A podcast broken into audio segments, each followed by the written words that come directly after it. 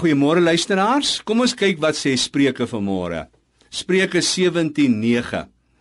Iemand wat 'n verkeerde optrede teenoor homself verontagsaam, soek goeie verhoudinge. In die lewe het ek agtergekom, ons gee nie baie keer die voordeel van die twyfel aan ons medemens nie. Ons is baie keer geneig om ons medemens onmiddellik te oordeel. In cricket is daar so 'n manier wat jy kan kan uitgegee word, BVP, been voor paaltjie.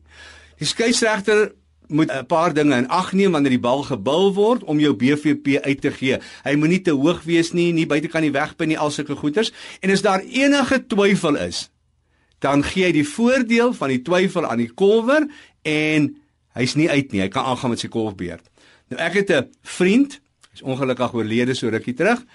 Maar hy het my 'n lewensles geleer. Hy het gesê, "Willie, wie jy? Ek het altyd vreeslik kwaad geword.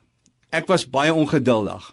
Hy sê tot ek my eendag voorgenem het dat 'n gesindheidsverandering, en jy moet mooi oplet, hierso is 'n geheimpie, okay? 'n Gesindheidsverandering beteken 'n innerlike besluit wat 'n uiterlike gevolg het. Hy sê nou die dag toe ry 'n ou voor my in op die snelweg. En die ou is ongeskik en hy's haastig en hy jaag en hy stel almal in gevaar. Hy sê onmiddellik wil ek kwaad word want dit is mos maar ons geneigtheid, né? Hy sê maar toe doen ek die volgende. Hy sê ek begin dink. Hierdie ou is dalk op pad hospitaal toe. Sy vrou het hom nou net gebel. Sy's op pad kraamsaal toe met hulle eerste baba, hulle eerste laaitie. Hy sê en hierdie ou is nou in in gejaag. Hy moet daar kom. Hy's verskriklik gejaag. En hy hy sien nie eens dinge om hom raak nie. Vir hom gaan dit nou net oor sy baba en oor sy sy sy sy sy, sy vrou. Hy sê en skielik wie hy. Hy sê toe ek begin dink oor dit. Toe spreek ek daai ou vrou en ek sê my ou maat, ek bid dat alles sal goed gaan daarso met jou. Hy sê en skielik het ek vrede in my hart en ek het nie eens kwaad geword nie.